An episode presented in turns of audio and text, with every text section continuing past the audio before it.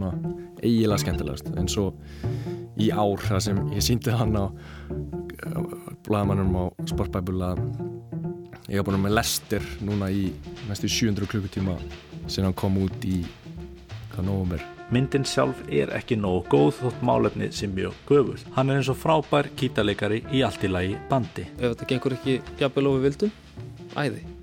Skiptir einhver máli. Sólinn skín og jörðin snýst í kringum einhverja plánendur sko, þó að við klúrum einhver upp á sviði. Sko. Fútballmanager, besti leikari í aðalutverki og Damu Suzuki.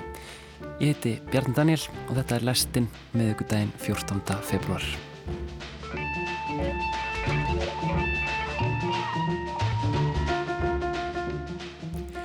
Lestinni í dag ætlum við að kynast eh, mjög ástriðu fullum spilara tölvuleiksins fútballmanager og svo heyrum við aðeins af tilnæmdum í flokknum besti leikari aðalutverki e, fyrir Óskarsvölunin í ár.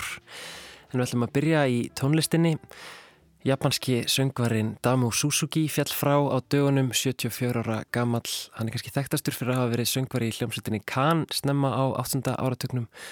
Við ætlum að fræðast meira um þann merkilega mann.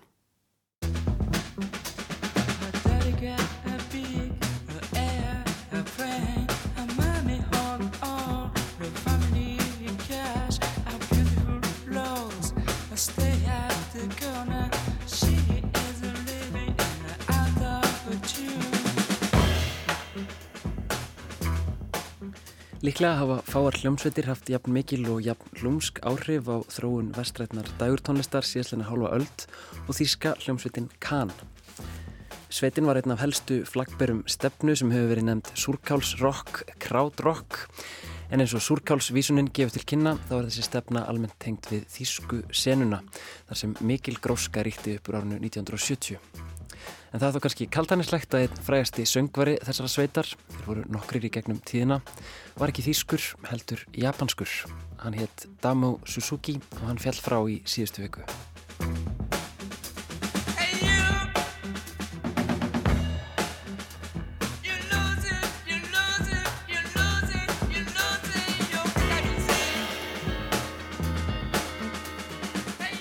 Hljómsveitin Kahn var stopnuð í Köln á síðari hluta sjönda áratugurins að frumkvæði tónlistamannsins Irmin Schmidt. Schmidt hafði allist upp í heimi síkildrar og samtíma tónlistar og meðal annars numið tónsmiðar undir handleyslu Karl-Heinz Stockhausen. Hann var að nálgast þrítugt þegar hann fór í afdreifamikla ferð til New York borgar 1966 og kynntist þar framsækinni rock tónlist tónlistafólks að borði Sly Stone, James Brown og The Velvet Underground. Þegar hann kom svo aftur heim til Kölnar fullur innblæstri, setti hann sig í samband við aðra tilrunaglaða tónlistamenn úr nokkuð ólíkum áttum. Bassaleikarin og segulbands listamæðurinn Holger Tjúkei hafði að vissu líka verið nefandi Stockhausens en trómarinn Jaki Líbetsætt hafði bakgrunn úr frítjastónlist að meðan Michael Caroli gítarleikari var um tíu árum yngri en hinnir, fættur 1948 og hafði jamt áhuga á jazzi og rocktónlist. Úr varð stórkostlega sírður kokteil áhrifa og þegar bandaríski söngvarinn Malcolm Mooney gekk til liðs við sveitina höstið 1968 fættist hljómsveitin Kahn. Sveitin gaf aðeins út eina breyðskifu með akkurat þessum mannskap, plutuna Monster Movie frá 1969, en stöttur setna þurfti Mooney að segja sig úr verkefninu. Hann flög aftur heim til bandaríkina eftir að hafa fengið tauga áfall og mun sálfræðingur hafa ráðlagt honum að forða sér frá óriðukendri tónlist Kahn.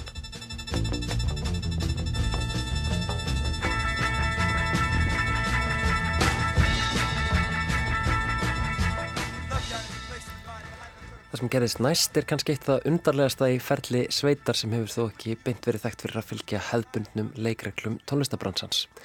Þeir Tjúkei og Líbetsætt voru á göngu um munn hérna á tónleikadegi voru 1970 þegar þeir rákust á ungan japanskan hippa að börska fyrir utan kaffehús. Þetta var eh, maður að nafni Damo Suzuki.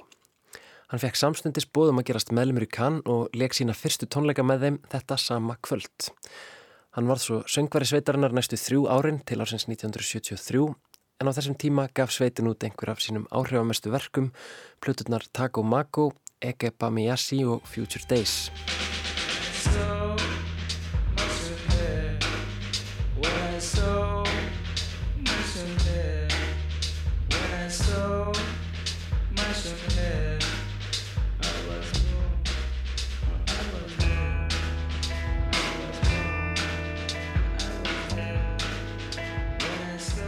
Suzuki sagði tímabundið skilið við tónlistarferlin eftir að hann hætti í Cannes til að gerast vottur Jehova en tók aftur upp þráðinn á nýjunda áratögnum og hefur allar götur síðan þá verið mikilsvirkur spunatónlistamæður og hefur í raun meir og minna verið á tónleikaferðarlegi óslitið síðan. Túrin nefndi hann Never Ending Tour, túrin endalösa og var hugmyndir svo að hvar sem hann kom til að spila fekk hann tónleikahaldara til að setja saman hóp tónlistafólks frá viðkomandi borg, fólk sem hann hafði aldrei hitt áður. Það var einfallega gengið upp á svið og byrjað að spila. Árið 2012 kom Suzuki til Reykjavíkur og spilaði kvikmyndatónleika í Gamla bíói sem voru hluti af Riff. Þar lekan með hópi íslensks tónlistafólks spunnið skor undir þöglumyndina Metropolis frá 1927 eftir þýska leikstjóran Fritz Lang. Og einn þeirra sem leku með honum á þessum tónleikum var trommarinn Magnús Tryggvason Eliasson. Það skal við ekki kannast, ég var svolítið stressaður því að, þú veist, þarna stóð þessi mæti maður og svo einhverjir tveir þýskir menn sem ég var kannski pínur sætu við líka, það er bara alltaf lagi. En það var mjög gaman samt. Við Maggi veltum fyrir okkur ferli Suzukis og því hvernig hann var fengin inn í hljómsettina Kann á sínum tíma böskandi þarna fyrir utan kaffihúsið í Munhjen og hann er væntalega verið að gera eitthvað mjög skynningrið og skemmtilegt því að Jaki og Holger eru og voru mjög sérstakinn menn höfðu mikið áhuga á svona einhverju ég frelsi í listum og, og lífi sko. En já, þessi er svona uppgötan hann það sem að stendur fyrir utan þetta kaffehús eða bar að böska og bjóð honum í hérna, já, koma og djama með kann. Það hafði hérna söngvarinn bandaríski söngvarinn sem var í kann. Malcolm Mooney. Já, alveg rétt, hann var hérna hann var hættur. Hvort hann hafi ekki verið með þess að sendur heim til bandaríkjana því hann var eitthvað svo lasin á geði eða eitthvað Ég held að hann hafi verið á bara með tauga áfalls þarna og, og ég held að sálfræðingurinn hans hafi sagt hann um að forða sér frá þessari kátísku tónlist. Ef ég mann rétt. Já, ég menn það þarf örgulega mjög sterkar taugar sko.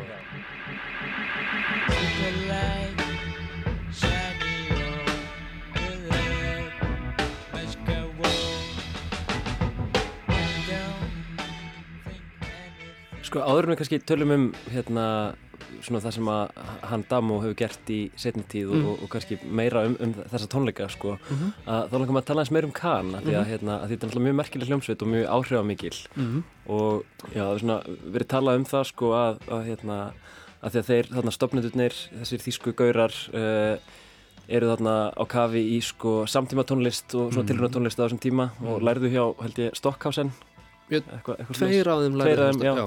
Einmitt, og svo fer hann hérna Schmidt, fer til bandaríkina í ykkur ferð mm. og, og kynnist þá sko tilrunarokkinu sem er í gangi í New York á þessum tíma, mm. Velvet Underground og, og, og svona. Já og svo var hann líka rosarindar upptökin af sko Sly Stone, Sly Stone og James Brown einmitt. Og þú veist, það var mjög áberandi sko áhrif allavega ritmadeldar megin finnst mér. En hann tekur þessa músík eitthvað nefn tilbaka og mm. til verður eitthvað svona mjög einstakur koktill af, af áhrifum sem að hérna, mm. svona, verða mótandi fyrir þetta þíska súrkálsrock mm. Tölum að sem Kahn, þú veist, hvað hva, hva getur þú sagt um Kahn sem, sem tónlistamæður? Hefur þessi sveit haft áhrif á þig? Eða? Alveg, sko, sérstaklega Tago Mako og hérna Ege Bamiasi uh, bara svona lag eins og sko Vitamin C sem þú kannski kannast við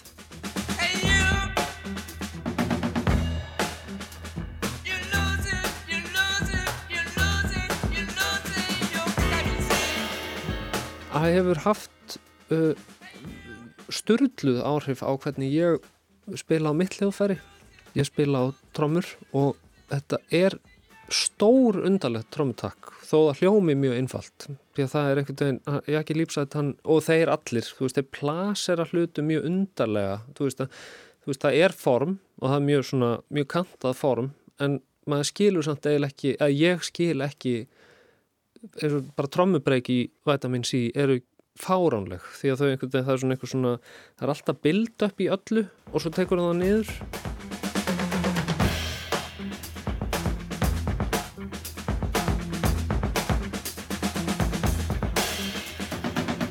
Og ég skil eiginlega ekki hvernig það en þann dag í dag en þetta hafði mjög mikil áhrif á mig vegna þess að það var svo flott einhvern veginn að heyra bæ, bæði að hluta til að taka um eitthvað en sérstaklega á eitthvað mjög þessi þeir eru að semja músík sem er ábyrjandi undir áhrifin frá einhver samtíma tónlist og svo rock og pop og allt það en svo er líka rosa frjáls element. Þú veist það er svona, farið mjög frjálslega með texta til dæmis, þú veist, og það er bara verið að spinna þá á staðnum stundum eða mjög oft og hérna, já, þú veist það er svona það er svo rosa svona frjálst element í öllu líka sem Mm. mér finnst mjög fallegt sko.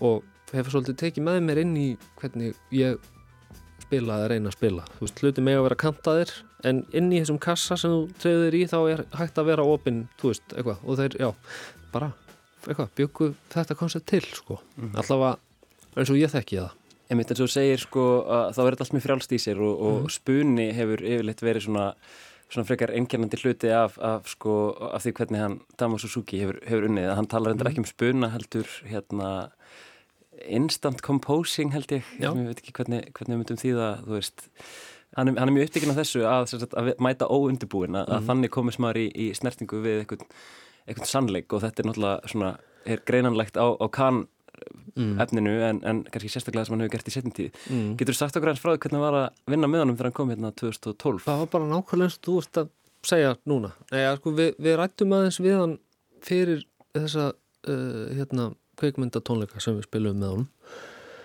og hann var spurður, ég man ekki hver hva- kannski var það ég eða eitthvað hérna, mist út um mér eigum við að hérna, ræða eitthvað formið eða eitthvað og þá sagði hann þú veist, þetta, þetta hljóma svolítið tilgerðarlega þú veist, svona þegar ég segi frá því að það var alls ekki þannig, hann, hann bara hann held svona einhverja einhverja tölu um að, þú veist, hann langaði að losna undan einhverju egói í músikinni og ef við værum múin að ákveða eitthvað þá væri náttúrulega, þú veist, þá væri maður búin að tróða sínu egói inn og vildi bara fara svolítið hreint og beint inn í þetta, þú veist Uh, I like this moment that uh, next moment uh, I don't know, you know, what's going to happen in so next moment. I like this kind of skill, so more than already planned and I know already clearly and I, I have answer. I don't need any kind of answer. So that means I don't like to have any kind of information. So ekkert pæla neitt eða fara með þetta neitt sérstæð, þú veist, eðlumáli samkvæmt þá náttúrulega erum við öll skilist, þannig að þetta fór svolítið í hans átt, þú veist, þetta var eitthvað svona frítjas kann orienterað þú veist, djam bara í rosalega langa tíma, þessi mynd er náttúrulega tveir og hálfu tími eða eitthvað en hérna, já, þú veist mér fannst það svolítið flott sko að, að hérna að reyna að upplifa eitthvað svona ególeysi í, í þessu, þú veist, ekki vera að hugsa um eitthvað, þú veist æ, þarna klúðraði í einhverju innkomu þú veist, bara betra að koma bara að þessu alveg þú veist, bara hvít blað og svo krótar eitthvað á það, þú veist. Mér finnst það flott Ég meina, nú, já, nú ert þú náttúrulega sko með bakgrunn í, í, í jazztónlist og ég mynda mér einhvern veginn að spuni sé stór hluti af því hvernig þú vinnur eða eitthvað sem að þú kannski tekur oft þátt í að, að spinna tónlist. mm. Sko, er, er eitthvað við þetta, þessa upplifun sem að, sem að var ólíkt öðru sem þú hefur fengist við á, á þínum ferli? sko oft er svona frjálsmúsík þú veist, ef fólk upplifir eitthvað frelsi en það vill hann til að til þess að upplifa mikið frelsi í mörgum tilvikum þá þarf að æfa alveg ógeðslega mikið því að það er oft verið að vinna kannski með flókna ritma og svo að spinna yfir einhverja flókna ritma eða flókna hljóma eða hvað sem það er, þú veist. Og hérna já, er kannski munurinn á því að vinna með damo og svo í mörgum öðrum böndum með, með fólki sem er að gera einhverja, einhverja frjálsama músík þá hérna við komum bara mjög hreint og beint að þessu. Það var ekkit æft, það var ekkit ákveðið það var ákveðið að horfa ekki á myndina áður en við spilum yfir hana bara klippa út allar skilirðingar og svo eins og ég, eins og ég sagði áðan, veist, að sjálfsög ef maður skilistur eitthvað, veist, ég spila bara eins og ég spila og þá kannski þarf ég að droppa einhverjum heitum lumum stundum, skiluru, en mér finnst munurinn svolítið líka því að það var bara, nú, bara farið inn í þetta alveg frjálst, ekkert ákveðið, ekki tala, ekki neitt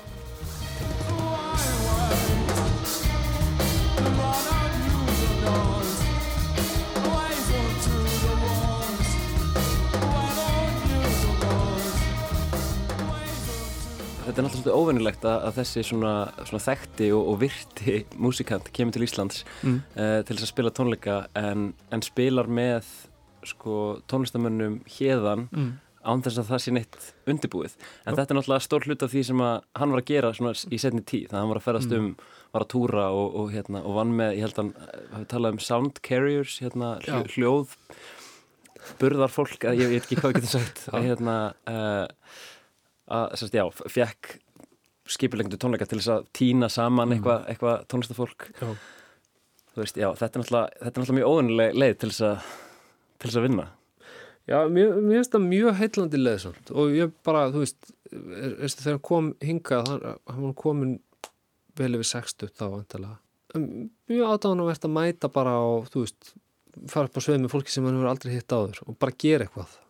Fallegt að eiga bara þetta moment og þú veist, þetta gerðist þarna, þetta voru tveir og hálfu tími og svo, þú veist, ekkert meir, skilur, mm. að þú veist, þetta var ekki tekið upp og eitthvað, það bara skipti einhver máli. Það, það sem skipti máli var við erum hér saman núna að gera þetta og það kennst ekki annað að mm. og, bara, og ég held að það hafi verið svolítið konsepti hjá hann líka veist, sérstaklega eftir að hann sko hætti að vera vottur og svona uppgötaði músík upp á nýtt þá held ég að hann hafi uppgötað, þú veist, sér sjálfan svona, bara gera ja, meira frelsi, því að þú veist margt af þessu sem sko kann gerði það hljómar frjálst en eins og Taco Mago sem bara, þú veist, er rosa svona mikið speys og skringi hljóð og einhverjir mjög undarlegi tekstar og alls konar skrítið þeir sko eittu held í þrem eða fjóru mánuðum í stúdíun mm -hmm. og þú veist, og Holger Súkaði þú veist, voru að vinna kannski 16 tíma á dag og svo fór hann heim og klift allt til þú veist, þannig að þetta er náttúrulega þetta er, svona, þetta er mjög skipilega óreiða þar sko. En það sem við gerðum með hann hér var það var bara óreiða, ekkert skipilagt eða þú veist, það bara farið inn í, inn í eitthvað. Bara að tóka gerist, við bara dáist að þeim vinnu aðferðum. Náttúrulega annað eh, element í þessu öllu saman er sko tíminn. Mm. og það er náttúrulega eitthvað sem að við sko að fólk sem fæst við tónlist einhvern veginn kemst ekki hjá því að vinna með. Tónlist mm. gerist í tíma. Mm. um, þessi túr sem hann var á og var búin að vera á bara held ég áratugum saman sko já. núna þegar hann lést kallaði hann sko Never Ending Tour eða eitthvað svo leiðis, hérna, túrin endalussi uh, og, og það er náttúrulega hugmyndin svo að hans tónlistasköpun fari fram í beitni fyrir framann áhöröndur uh, og sé ekki, þú veist, tekinu upp. Þa, það, það, það er einhvern veginn önnur lögmál sem gilda. Mm. um, sko, er eitthvað sem að þú kannski kynntist í þessari upplifun uh, sem að þú hefur síðan tilengað þér í, í þínu starfi einhvern veginn síðan?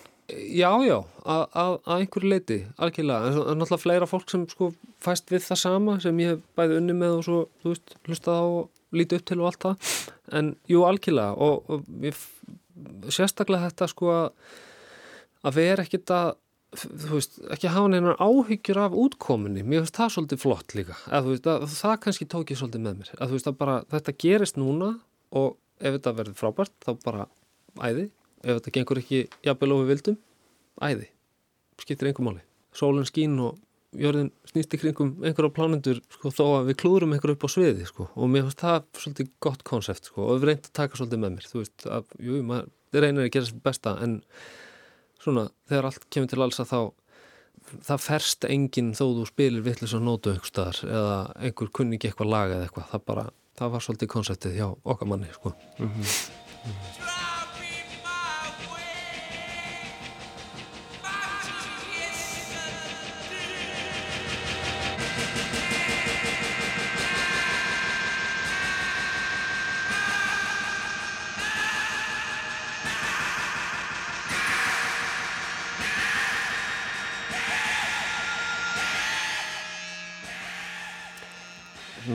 Rétt í lókin ef við veltum aðeins fyrir okkur svona hans arfleið bæði sem söngvar í kann og sem solo listamæður mm. uh, hver, hver eru áhrifin sem hann hefur haft á, á tónlist í, í samtímanum? Hvað sittur eftir?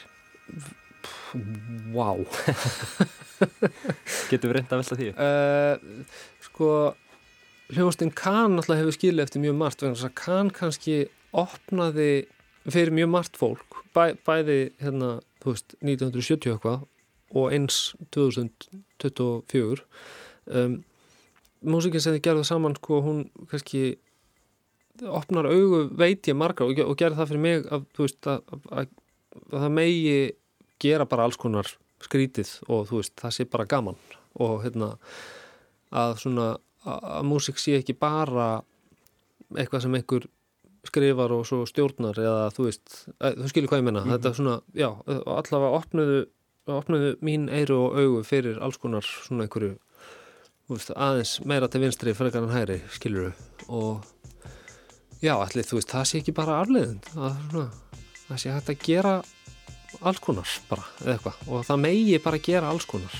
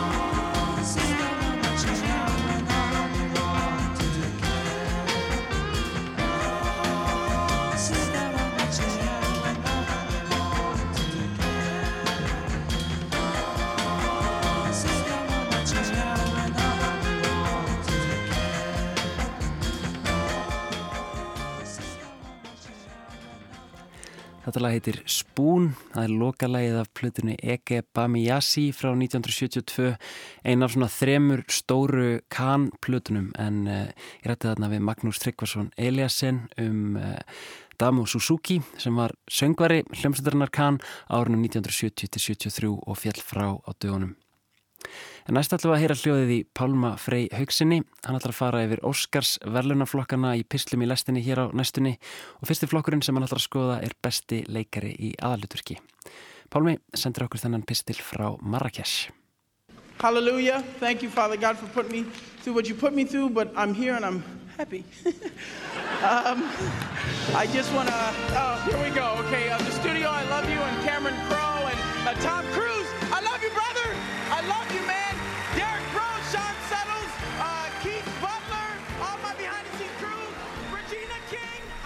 Ég sitt í leigubíl í Marrakesh í Marokko. Sveittur í lófunum uppgöttaði ég að ég er ekki búinn að semjum verð fyrir farið og það eina sem ég heyri um Marokko er að það er ekki til sem heitir verð. Verð er bara hugmynd á milli tveggja aðila um hvað þeir geta báðir sætt sér við og gestir tapa alltaf þessum leik. Ég er hins vegar mjög ákveðin að tapa ekki þessum leik, að láta ekki svindla á mér. Þegar við stoppum tala bílstjórun nánast bara frönsku sem gerir samningaviðröðnar mun erfiðari. Við sættum svo verð en ég skil ekki gjaldmiðlinn og gef honum 300 dirhams. Hann gefur mig strax 200 dirhams tilbaka. Ég hafði gefið honum tvisasunum meira en hann vildi. Ég hafði tapað leiknum. Þetta er endur tekið minnstur á ferðalagi mínu. Ég að gefa fólki sem ég held að sé að svindla á mér of mikinn pening. Hann spurði hvað við ætluðum að gera í kvöld, hvort við séum að fara að skoða hinn að Fögruborg Marrakesh. Nei, svaraði ég. Ég þarf að fara að horfa á Maestro með Bradley Cooper á Netflix. Það er nefnilega komið að indislegasta tíma ársins, Óskarsöluna háttíðinni. Fyrir nokkrum vikum voru tilnefningarna tilkynntar og eftirvæntingin hjá þeim örfáu sem horfa á hátíðina er gríðaleg. Ég veit að Óskarsölunin þykja ekkit ótrúlega töff en ég er ekki mættur hingað til þess að vera töff. Þeir sem þekkja sögu hátíðinar vita að hún var búin til því það var gat í markanum. Kvikmyndaframleðendur sáu að fáir gestir sótu kvikmyndahús í upphafi árs svo þeir brugðu á það ráð að setja á laginnar velunaháttíð í mars. Þetta er ástæðan fyrir því að ótal vandara og góðra mynda eru keppnar út í byrjun hvers ás til þess að lokka fólk í bíó á þessum erfiða ástíma. Á næstu vikum ætla ég að rýna í stærstu flokka hátíðunar. Fyrsti flokkurinn sem tekinni fyrir er besti leikari, eitt stærsti flokkur hátíðunar. Það verður að teljast óvenjulegt að Leonardo DiCaprio sé ekki tilnæmdur fyrir fíluskeifina sem hann síndi okkur í þrjá og hálfan klukkutíma í Killers of the Flower Moon. En ég vil ekki fjöl yrða um þá sem eru ekki tilnæmdir. Í ár eru tilnæmdir Coleman Domingo fyrir kvikmyndina Rustin, Paul Giamatti fyrir leiksinn í The Holdover, Cillian Murphy fyrir Oppenheimer, Jeffrey Wright fyrir hlutverk sitt í American Fiction og Bradley Cooper fyrir hlutverk sitt í Maestro sem hann skrifaði og leikstýri. Byrjum á Coleman Domingo fyrir hlutverk sitt í Rustin. Coleman Domingo leikur þar mannréttindafrömuðin Bayard Rustin sem var eitt helsti ráðgjafi Martin Luther Kings yngri. Saman skipluðu þeir fræg friðsamlegu mótmæli í réttindabildingunni í bandaríkunum á sjötta áratíu 20. aldarinnar. Ástæðan fyrir því að fáir þekkja Rustin er að hann var samkynniður. Þar sem hann vildi ekki að kynnið sín hafi neikvæð áhrif á barutuna fjall nafn hans í skuggan á öðru barutufólki. Ég verður eitthvað að taka fram að ég horfið á myndina á minsta sjónvarpi sem fyrirfinnst í Marako í litlu ríhatt gistiheimili í smábæ við ströndina. Streymisveitu byltingin hefur gert það að verkum að maður verður að horfa á sumarmyndirnar heima í stofu og það er ekki hlaupið að því að fá stort sjómarp þar sem ég er að ferðast. Þarna var ég tilneitur að gera það pleppalegasta sem ég hef gert á minni lífslið, að byggja um að fá að skipta um herbyggi á ríhattinu mínu. Hótelstjórin var miðið sín og spurði hvað var að herbygginu sem ég var í og ég svaraði pleppalega að sjómarp mitt var ekki nóg stort og ég þurfti að horfa á röstin á Netflix. Coleman Domingo leikur hlutverkið vel og er hlutverkið nokkuð krefjandi. Hann er friðarsinni sem verður að taka mikið pláss án alls ofbeldis. Hann þarf að berjast fyrir því sem hann er en neyðist til að fela aðra hlið á sér. Hann verður að velja eina baratu en hafna annari. Þrátt fyrir gott hlutverk er hann því miður það besta við myndina. Myndin sjálf er ekki nógu góð þótt málefni sem mjög göful. Hann er eins og frábær gítarleikari í allt í lagi bandi. Myndin sjálf er smá eins og Wikipedia grein um það sem gerðist með snuppbótum endi. Ef myndin sjálf væri betri, liti hann ennþá betur út. Myndin er góð, en bara ekki frábær. Þess vegna kemur það ekki á óvart að tilending Domingos er svo eina sem Rustin fær. Þá virðist það vera ansi ólíklegt að Domingo hljóti Óskarinn þrátt fyrir góða framistöðu. Þessar baráttumyndir eru þó mikilvægar til þess að minna á hvaða barátta liggur að baki samfélaginu eins og við sjáum það í dag og hvers vegna svo barátta verður að halda áfram. Áhugavert er að fylgjast með röstinn og liðsmönnum hans skipulegja að tjálta fyrir utan kvítahúsið í miðjum mótmælum, snemma í myndinni. Þetta er nokkuð sem við kannust við að storki fjármóla eða utaningisáðurum í dag. Bradley Cooper er svo tilnæmdur fyrir mynd sína Maestro. Það er smá leiðild að segja það en það verðist sjást hversu mikið Bradley langar til þess að vinna þessi velun. Í viðtölum síðastliðin ár hefur Cooper viðkjönd að hann hafi ekki verið ánæður með hlutverkin sem honum var bóðið áður fyrr. Stóru leikstjórnir voru ekki að ringja svo hann ákvað að gera þessa stóru myndir bara sjálfur. Fyrsta myndin sem hann leikstýri var einn velhæfnaða A Star is Born. Myndin var tilnæmt til 8 Óskarsöluna og hlaut einn fyrir besta lag. Myndin var góð, þóttu meiri hafi alltaf fundist algjörlega óskiljanlegt af hverju karakter Lady Gaga hafi vilja vera með manni sem var svo gjössanlega lamaður af alkohólsma. Hann fekk sér ekki bara drikk við og við, heldur gæt persóna hans sjaldan talað vegna ölfunar. Hvernig nokkur manniska gæt þráð þennan mann var fyrir mér algjörlega óskiljanlegt. Nýja mynd Coopers Maestro fjallar um banderska tónskaldið Leonard Bernstein og samband hans við konu sína sem í leikin er af Carey Mulligan. Aðalpersonan er aftur erfiður maður að eiga í erfiðu sambandi. Myndin er búin að vera gæluverkefni Coopers í mörg ár og varða hann sex árum í að læra að vera samfærandi hljómsveitistjóri fyrir eitt atriði myndarinnar. Atriðið er frábært en myndin sem hild er bara ekki nægilega góð. Handritið sem Cooper skrifaði sjálfur er ekki nógu stert. Cooper segir að myndin fjalli ekki um tónskaldið heldur um hjónabandið hans en eftir myndina er mér sama um Leonard Bernstein og mér er sama um hjónaband hans. Myndin á sína spretti og Bradley Cooper og Kerry Mulligan standa sér bæði mjög vel í sínum hlutverkum en ég efast um að myndin fái mörg velun á hátíðinni. Cooper er á frábæri leið sem leikstjóri en þessi mynd er svona meh.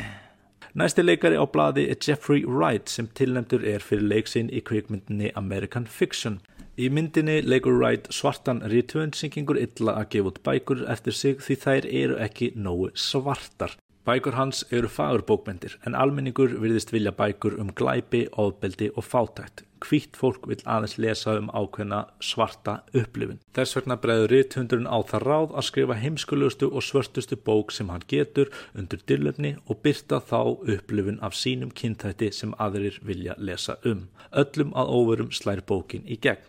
Það er virkilega gaman að sjá Wright í svona stóru hlutverki þar sem hann er frábær leikari sem er oftast settur í aukarhlutverk. Hlutverki leikur hann mjög vel sem hinn er betri og lokaði reytöfundur Monk sem reynir hvað hann getur að brjótast út úr því hlutverki sem samfélagi krefst af honum sem svörtum reytöfundi. Á sama tíma á hann erfiðara með að sína sömu baratu við sitt eigi hlutverk innan fjölskyldu sinnar. Hann þarf að berjast fyrir því að enda ekki eins svikull og reyður og bitur eins og pappi hans. Berjast gegn því að endurtaka það munstur. Leik Wrights er að hægt að líka við leik Paul Giamattis í The Holdovers sem ég á eftir að tala um. Báðir leika þeir betra meðaldra menn sem leifa tilfinningun sínum sjaldan að brjótast út heldur kjósa að byrja þær inni. Framistæða þeirra begja er mjög góð en það sem Giamatti hefur fram yfir Wright er betra handrit og leikstjórn. Giamatti er leikstýrt af Alexander Payne sem hefur sérhæft sig í svipuðum kartistúdjum allan sinn feril, meðan leikstjóri American Fiction er að gera sína fyrstu mynd. Hugmyndin á baku American Fiction er frábær en það er smá eins og það sé verið að gera tvær ólíkar myndir, einar sem fjallar um útgáð skáldsögunar og aðra sem er fjölskyldudrama Monks. Tempóið á milli þess að tvekja frásagna er ekki nægilega þétt og önnur sagan finnst mér mun betri en hinn. Þetta gerir það að verkum að rísandinn í framistöðunni er ekki alveg nógu skýr vegna þess að Monk glýmir við svo marga hluti úr svo ólíkum og mismundi áttum. Monk þarf að eiga við döðsfall snemma í myndinni en personan virðist ekki fá að meðtaka það því hann þarf að eiga við sjö aðrar mismundi hluti í næstu atriðum. Hugsanlega er ádilan sem leikstöru myndanar vill ná fram að sína okkur hefbundna dramasögu með svörtum personum en ég sem neytandi er ofastur í því að vilja sjá fátækt, óbeldi og líf glæpa. Kanski fell ég í gildru myndanar. Samt sem áður finnst mér að ofumikil áhersla á miskott personlegt drama og aðeins og fljótvar endir bitni á möguleika Wright að neppa velunin, þó myndin sem mjög góð. Þá er komið að tveim fremstu hestunum í hlaupunum. Paul Giamatti fyrir The Holdovers og Cillian Murphy fyrir Oppenheimer. Báðir eru þeir æði. Paul Giamatti leikur úrillan, bitran og leiðilegan kennara sem er fastur með nefndum sínum yfir jólin í heimaðistaskóla. Giamatti leikur, eins og nánast alltaf, bitran en elskulegan kall sem við komist hægt og rólega að sem í hjarta úr gulli.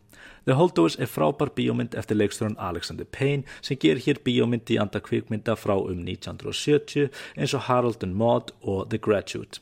Ef maður vissi ekki betur þá myndi maður halda að maður væri að horfa á bíómynd frá þessum tíma. Þetta gerir það að verkum að myndin er frekar hæg sem gefur Giamatti fullkomi leifi til þess að jórtra hægt og rólega á hlutverkinu á stórkostlegan hátt. Giamatti er svo stórkostlegu leikari að í hvert sinn sem maður horfir framann í þennan leiðilega kennara sér maður í andliti hans sjö ólíka harma og brostnar vonir personar. Með því að gera sem minnst gerir hann svo mikið. Hann passar fullkomlega í þessa mynd en það er líka því að Giamatti passar fullkomlega í svona hlutverk. Hann leikur alltaf einhvern pyrraðan, einmanna, fjórða mikilvægsta ráðgjafa, fymta fósita bandaríkjana eða leiðilega nákana með hjarta úr gulli. Hann er frábær við og við þegar hann skýtur upp kollinum í Hollywood kvikmyndum. Hann er bara svo undalegur leikari. Andlitið á hann gerir svo mikið. Það er svo gaman að horfa framann í mannin. Sá líklegasti til að neppa velunin er þó Cillian Murphy fyrir hlutverk sitt í Christopher Nolan myndinni Oppenheimer. Allir sem þekkja vita hversu stórkostlegu leikari Murphy er, þó hann sé oftast besti vinnur aðalpersonar í starri myndum, þrátt fyrir nokkur aðalhlutverk hér og þar eins og í Sunshine eða 28 Days Later. Eflaust þekkja flestir hann sem Thomas Shelby í Perky Blinders en hér fær okkar maður svo sannarlega að springa út eins og kjarnokkusprengjan sem hann hannaði. Hins vegar ef þriði hluti Oppenheimis myndi einblýna á þá siðfyrslegu klemmu að hafa búið til stærsta geraðingavapp sögunar frekar en að velta sér upp úr því hvað sé að gerast varandi Robert Downey Jr. karakterin í myndinni þá þyrfti ég ekki eins og skrifa þennan pistil. En meira um það mál í setni pislum. Murphy leikur lífskeið Oppenheimis af mikilli snild. Tilfinningulegt ferðalag Oppenheimis er langt og stránt þar sem hann fer frá því að vera saklaus skólastrákur yfir því að vera metnað fullu kennari og svo yfir í að hafa yfir umsjón með líklega stærstu vopnafrankvæmt sögunar og standa svo í baráttu við aflegginga gjörðu sinna eftir allan þennan tíma. Murphy er æði. Þessi tvei leikarar eru fremstir í flokki besta leikara. Hvort við sem áhörundur náum aftur á móti að tengja meira við tilfinningarlíf manns sem hefur það að samverskunni að valda einni mestu gjöreyðingu allra tíma með því að smíða fyrstu kjarnangurssprengjuna eða hvort við finnum meira til með saklusum meðaldra heimaðista kennara sem tekur á skarið að tala loksins við konuna sem hann hefur áhuga á með því að vitna í leiðilegu sakfræði fróðlegsmóluna sína verður að koma í ljós á háttíðinni. Stórkostleg framist að bæði Paul Giamattis og Cillian Murphy ber af í þessum flokki. Þó má auðvitað ekki útiloka hinn indislu óvæntu úslitt Óskarsvöluna sem sýnir okkur að það er ómöld að keppa í list. Áfram held ég að ferðast um Marokko því lengra sem ég fer inn í landið því minni verða sjónvarpin. Þegar ég stíg úr rútu minni við rætur Sahara eðumörkunar spyr leiðsögumæri mig hvort ég sé ekki spenntur að fara úlvalda inn í eðumörkina. Jú, svara ég, þótt helsta áhyggja efni mitt sé hvar ég sé Poor Things með Emma Stone hér í eðumörkinni.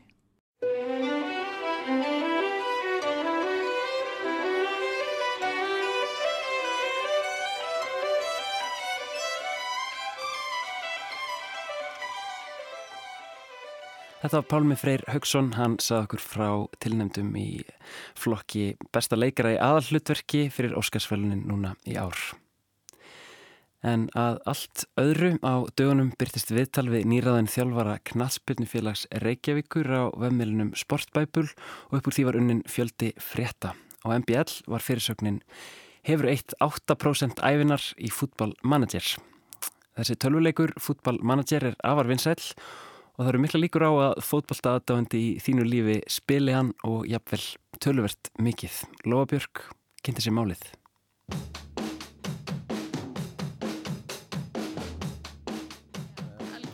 Ekki hinnu.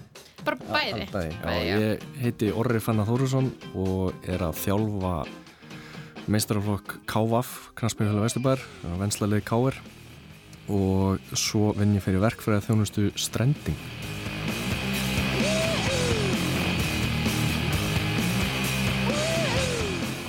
Ég bara hef spilað fólkmannsir allum ræfi og bara, já, hana uppáhaldsleikurinn minn og og ég var alltaf búin að sjá svona fólki eitthvað svona monta sig að ég er búin að fá starf.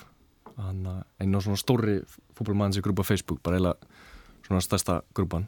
Og ég bara eitthvað svona fannst að fyndi eitthvað og var að spyrja vinnu mínu hvað þetta ekki að posta að ég var komið með starf fyrir KVAF og hann að það var ekkit eh, eins og bróður minn hann fannst þetta ekkit rosalega fyndið, við erum báður svona ekkit mikið fyrir aðtegli og fannst okkur það var ekki alveg svona okkar þeng að gera en ég posti hann það var smá væral, það fekk alveg 1800 likes, Ok. bara aldrei sé svona aðeins minni ennþá að fá notification á þessu þetta er þryggja vegna gamalt eða eitthvað og svo fæ ég allir bara hann að message á messenger frá blaðamanni frá Sportbæbul Er það eitthvað fjölmiðl sem vissir af? Er, já, já, þetta er svona, svona al- mesta svona fótbolla stráka fjölmiðl bara sem er bara svona poppar allstar Instagram, Twitter, Facebook bara, þú er búin að læka e- eina fótbolla klippuð eitthvað þá kemur Sportbæbul allstar þetta er bara svona Ok.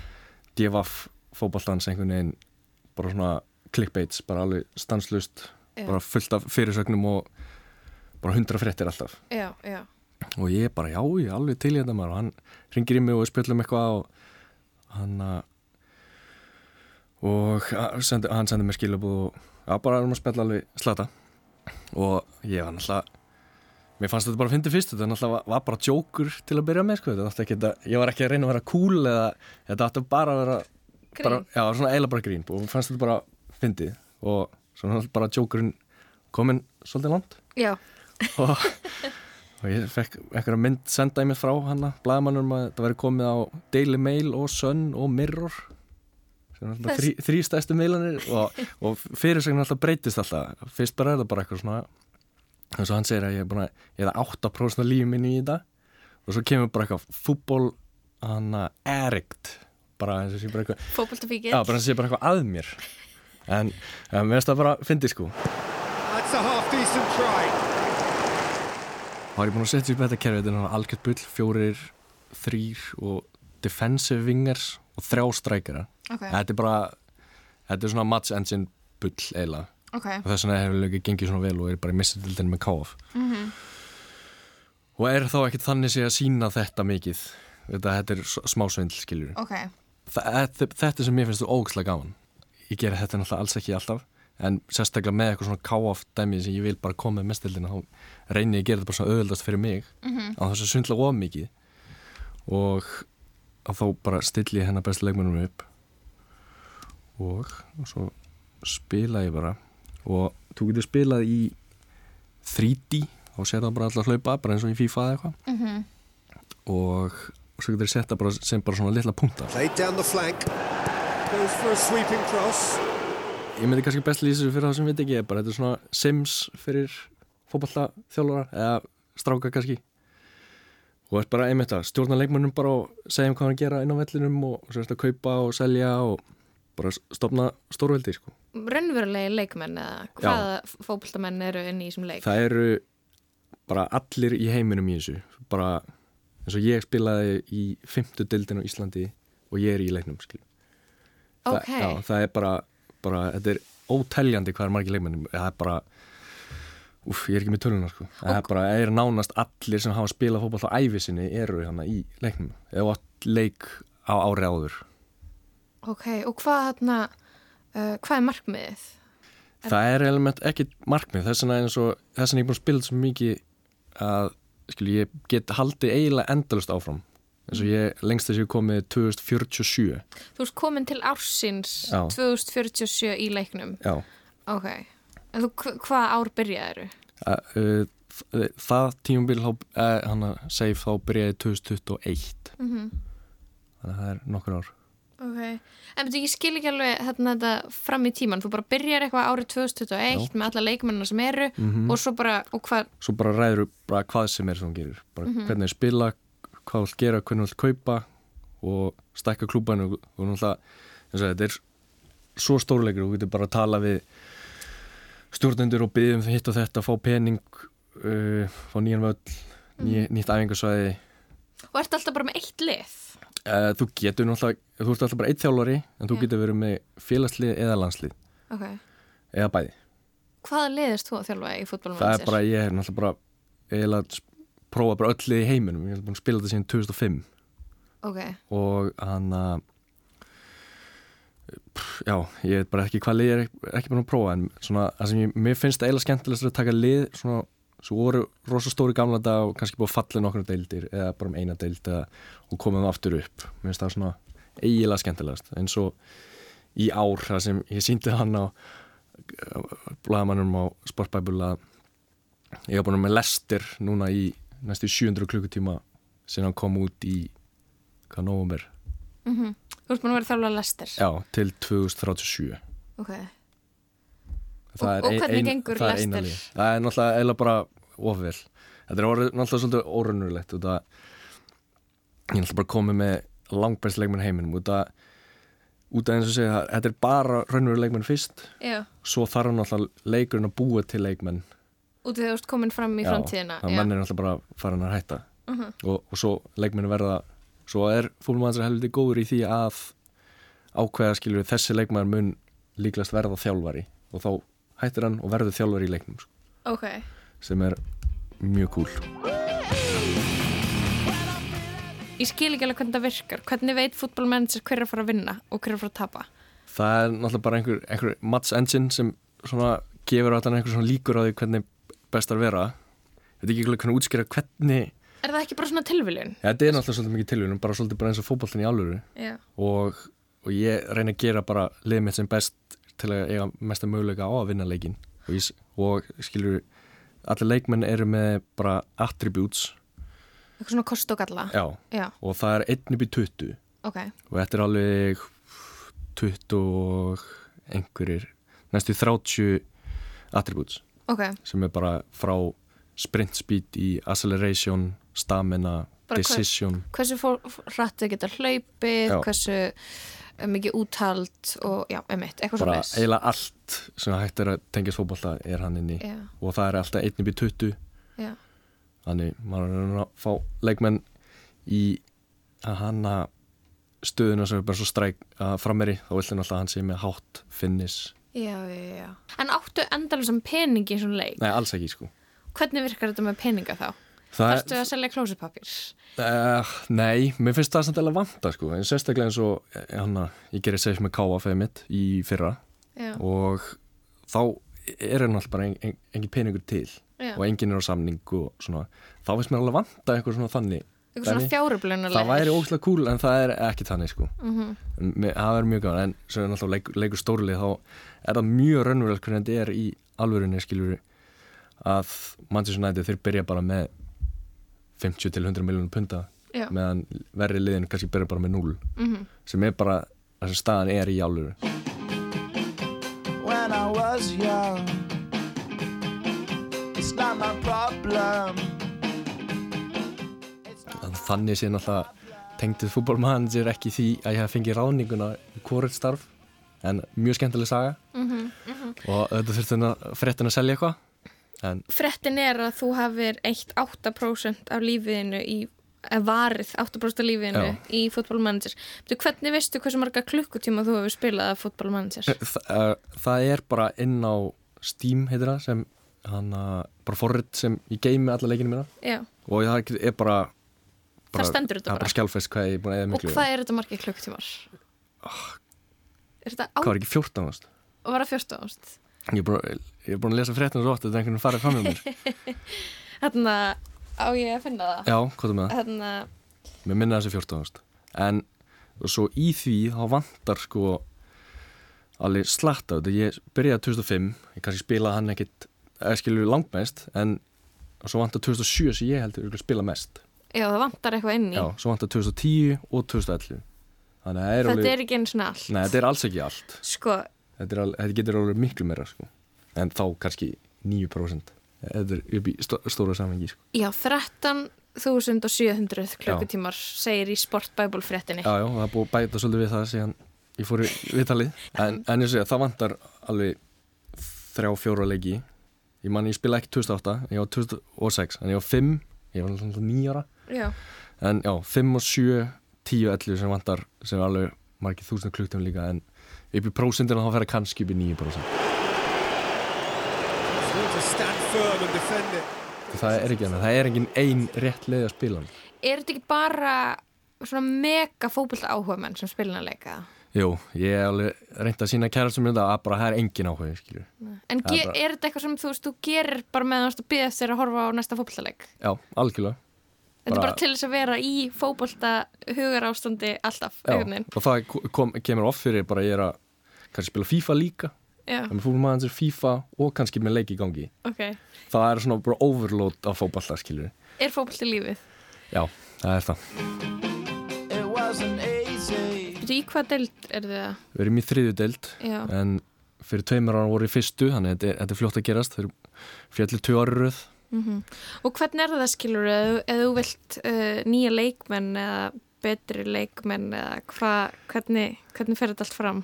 sko, þegar ég leik KF í fútbolmannsir þá er bara mjög vel bara ég get sæna bara alla leikmenn sem eru kannski ekki með samning í, á Íslandi. Mhm. það næ ég kannski bara í 15 nýja leikmenn bara minnsta máli í heiminum. En það virkar ekki þannig í, í alveg heiminum. Það, það þarf að passa, þetta er í vesturbænum það er ekkert margir sem nennan þangað. Að æfa kannski fjóru sem í viku.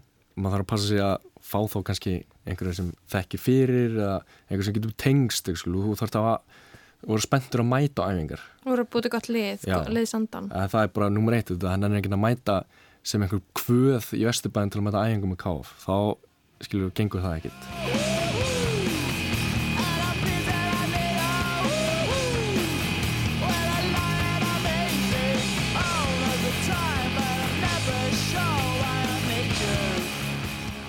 þá var, var San Marino og kom til 2046 og þá var ég bara að reyna og það er alltaf tala bara vestalandi í heiminum í fótballa ok, og náðu að koma þeim á HM á 2040, ég man ekki alveg hvað.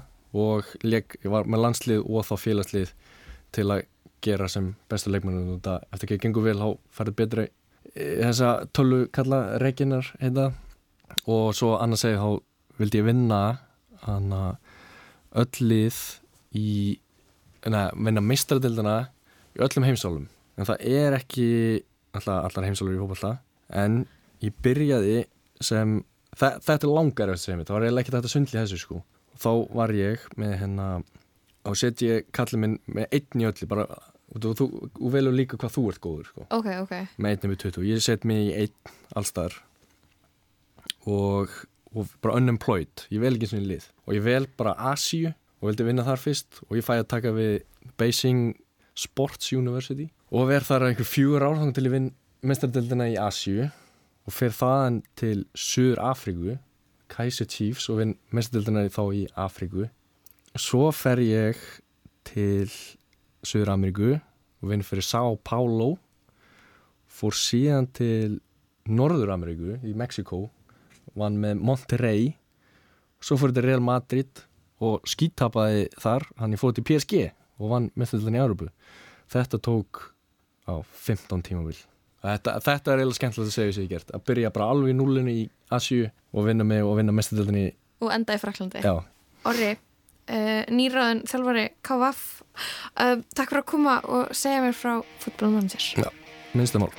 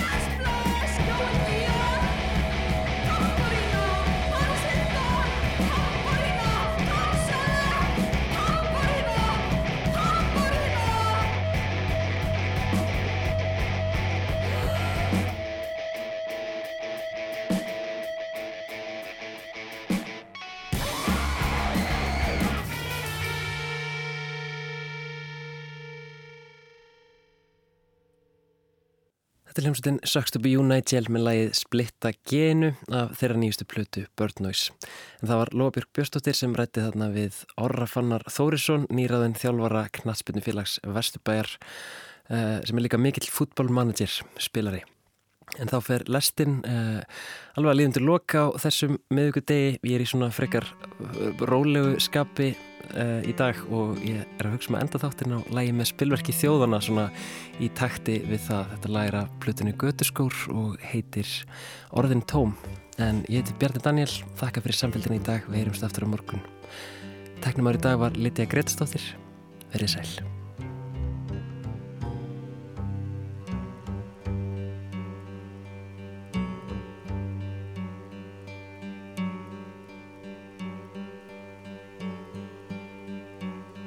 Ég býð hér enn.